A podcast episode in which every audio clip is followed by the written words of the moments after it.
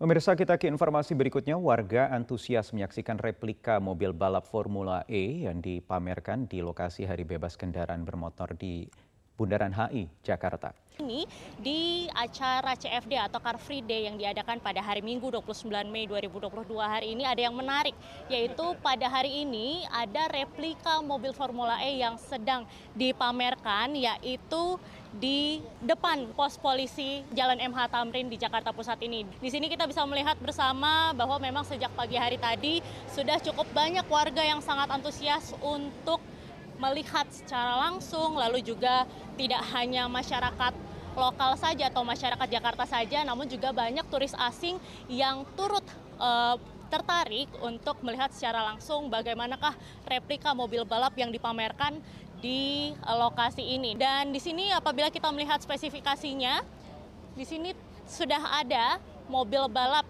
yang merupakan replika dari mobil balap yang akan digunakan pada ajang Formula E yang nantinya akan diselenggarakan pada hari Sabtu tanggal 4 Juni 2022 mendatang di sirkuit Ancol Jakarta Utara.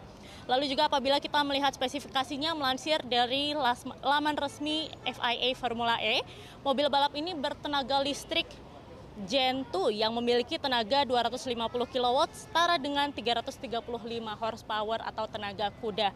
Lalu juga mobil ini memiliki kecepatan atau dapat menempuh kecepatan 0 hingga 100 km per jam dalam waktu singkat saja yaitu dalam waktu 2,8 detik dan juga maksimal kecepatan yaitu di 280 km per jam. Di sini juga kita melihat cukup banyak masyarakat yang sangat antusias untuk melihat secara langsung bagaimanakah penampakan dari replika mobil balap yang akan digunakan pada Formula E ini. Dan apabila masyarakat tertarik untuk menonton Formula E, tadi juga ada sempat uh, grandstand yang disediakan di sebelah uh, stand mobil balap ini yang mana berisikan promosi dari Formula E sendiri di mana para masyarakat juga bisa langsung membeli tiket dan juga bertanya-tanya sekitar atau terkait dengan ajang Formula E yang rencananya akan diselenggarakan pada hari Sabtu 4 Juni 2022 di sirkuit Ancol, Jakarta Utara. Riuh teriakan Anies Baswedan sebagai presiden kembali bergema saat Gubernur DKI Jakarta itu hadir di acara puncak milad PKS ke-20 yang digelar hari ini di Istora Senayan. PKS memberikan sinyal untuk mendukung Anies maju di Pilpres 2024. Sambutan Gubernur NTB yang juga merupakan kader PKS, Zulkifli Mansyah mendadak terhenti sejenak setelah ribuan kader PKS yang hadir pada acara milad PKS ke-20 bergemuruh meneriakan Anies Presiden. Selamat datang Pak Anies Baswedan.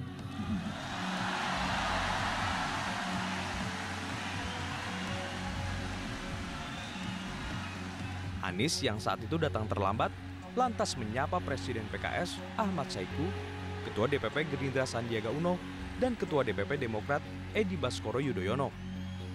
Entah disengaja atau tidak, pakaian yang dikenakan Anies sepadan dengan PKS yang baru saja mengganti warna logo menjadi oranye dari yang semula hitam kuning.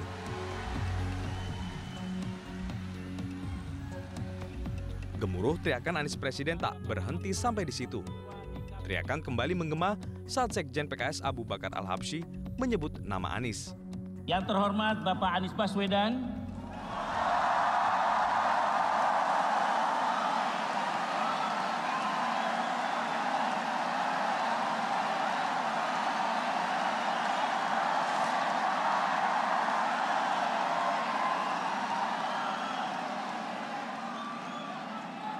Gubernur DKI Jakarta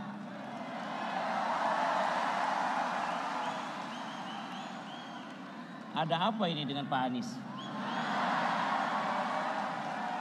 Ya. Bersabarlah Pak Anies. Gubernur. Namun demikian, PKS tak lantas meneguhkan nama Anies untuk menjadi kandidat presiden 2024. Karena sama dengan parpol lainnya, PKS masih mencari tokoh yang pantas untuk diusung dalam gelaran Pilpres 2024. Siapa tahu Siapa tahu. Siapa tahu pas kumpul-kumpul begini nanti ada yang berjodoh di 2024. Kita nggak tahu nih siapa yang bisa kita pinang di depan mata ini. Gadis mana yang paling cantik, ya. Jadi Pak Bagja, mohon maaf nih kita lagi cari jodoh-jodoh aja pelan-pelan ya sambilan ya. Pak Muhaimin kalau dilamar jangan kaget-kaget gitu ya. Pak Anies atau Pak Sandy atau siapa pun yang ada ya. Pak Aye atau siapa yang ini. Moga-moga ada jodoh ya. Mungkin di sinilah kita ingin bikin pertemuan perjodohan dalam waktu awal-awal. Tak hanya Anies Baswedan, acara Milad PKS ke-20 ini juga dihadiri oleh elit parpol lain. Namun, hingga acara akan berakhir, tak tampak dari perwakilan PD Perjuangan yang hadir. Untuk Indonesia Barat, Ketua Umum Partai Nasdem Surya Paloh menyampaikan ucapan selamat kepada Partai Keadilan Sejahtera atau PKS yang telah mencapai usia ke-20. Menurutnya angka tersebut merupakan umur yang matang bagi transformasi PKS selama ini. Surya Paloh mengatakan PKS terus bermetamorfosis dengan segala sepak terjang dan terobosan sehingga PKS bisa mencuri perhatian banyak kalangan. Ketua Umum Partai Nasdem menyebut cara itu adalah langkah dan taktik PKS yang akhirnya mendatangkan pengakuan. Surya Paloh mengakui kaderisasi PKS yang begitu mumpuni. PKS disebutnya memiliki skema kaderisasi yang baik di level praktisnya dan mampu menunjukkan diri dengan mengikuti arus demokrasi yang ada. Demokrasi memang meniscayakan kontestasi dan pertarungan dalam berkompetisi.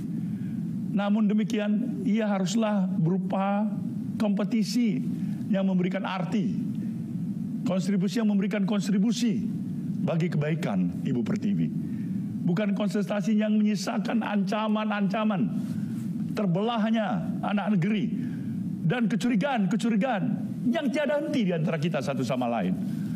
Oleh karena itu di dalam momen yang begini membanggakan, saya secara pribadi maupun sebagai ketua umum Partai Nasdem mengajak kita untuk tetap berkolaborasi melayani Indonesia di atas kepentingan partai yang kita miliki. Inilah harapan saya dan saya yakin saudara-saudara saya, saya dari Partai Keadilan Sejahtera akan bisa melaksanakan ini. Selamat bermilad yang ke-20. Wabillahi taufiq wal hidayah. Wassalamualaikum warahmatullahi wabarakatuh. Ya, pemirsa pencarian Eril Putra Sulung Gubernur Jawa Barat Ridwan Kamil masih terus berlangsung.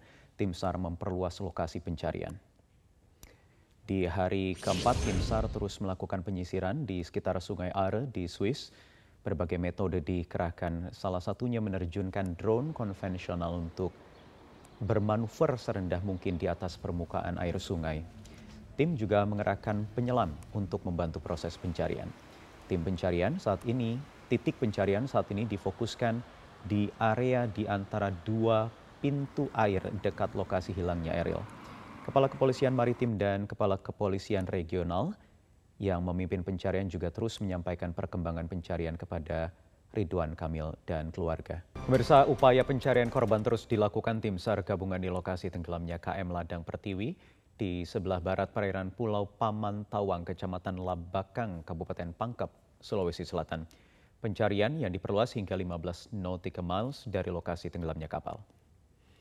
Memasuki hari kedua pencarian tim SAR gabungan yang dipimpin oleh Badan SAR Nasional, mulai memperluas lokasi pencarian hingga 15 nautical miles dari lokasi awal tenggelamnya kapal. Pencarian melibatkan personel TNI Angkatan Udara yang melakukan pemantauan udara, kemudian juga ada Angkatan Laut yang mengerahkan 4 KRI dan juga Polri serta nelayan yang ada di sekitar. Hingga saat ini diperkirakan ada 25 orang yang dinyatakan hilang pencarian kita sekarang kita melihat dari tadi ya mulai pagi ini kita uh, melaksanakan pencarian Le, kemarin dari 10 10 nautical mile sekarang kita perlebar sampai jam 12 sebentar itu 15 sampai nautical uh, mile. 15 nautical mile dari lokasi dari kejadian. lokasi kejadian. Oke. Dan Bapak- setelah sore sebentar akan kita perlihatkan lima Ya, sementara itu ada 10 orang korban selamat dari insiden tenggelamnya KM Ladang Pertiwi yang sudah dipulangkan ke daerah asal mereka di Pangkep usai menjalani perawatan di Puskesmas Sanrobengi, Kabupaten Takalar. Sepuluh korban selamat dari insiden tenggelamnya kapal motor ladang Pertiwi tiba di Kabupaten Pangkep, Sulawesi Selatan pada Sabtu malam. Wakil Bupati Pangkep, Syaban Samana langsung menjemput warganya dengan menggunakan bis milik Pemkap Pangkep usai ke-10 korban selamat menjalani perawatan di Puskesmas Sandro Bengi, Kabupaten Takalar. Suasana haru dan isak tangis dari keluarga korban menyambut para korban saat turun dari bis yang menjemput mereka. Salah satu korban selamat, Irwan, mengatakan dirinya bersama penumpang lainnya bisa selamat karena berhasil meraih sebuah papan triplek dan jiriken yang mereka peluk selama 12 jam. Sampai akhirnya sebuah kapal takbot yang melintas menyelamatkan mereka. Selamat ya. itu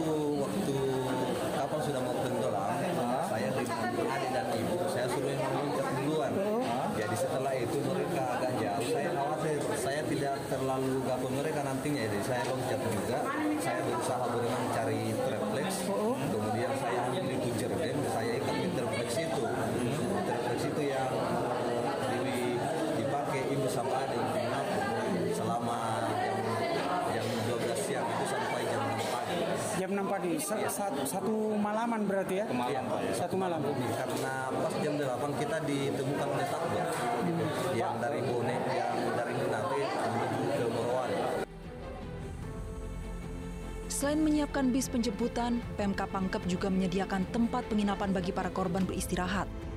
Selain itu, para korban juga akan diberi bantuan logistik dari dinas sosial setempat.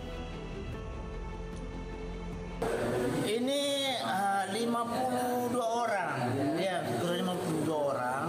Sementara kan ini kan susah juga karena tidak masuk dalam manifest. Ya, ada yang masuk manifest yang ya salah kalau kapal-kapal seperti itu karena kan agak ketat di sah bandar nih. Jadi kita perkirakan sekitar 52 orang. Yang selamat itu untuk sementara ini yang sekarang kami sudah terima di tempat ini itu 10. Ya, empat perempuan dan uh, enam laki ya. Terus yang sebagian ini masih ada di Banjarmasin. KM Ladang Pertiwi yang memuat puluhan penumpang, bahan kebutuhan pokok, dan material pembangunan tower diperkirakan tenggelam di perairan Kecamatan Liukang Kalmas pada Kamis 26 Mei 2022 lalu. Hingga kini sudah ada 17 penumpang dari 43 penumpang yang berhasil diselamatkan dan tim SAR gabungan masih mencari puluhan korban lainnya.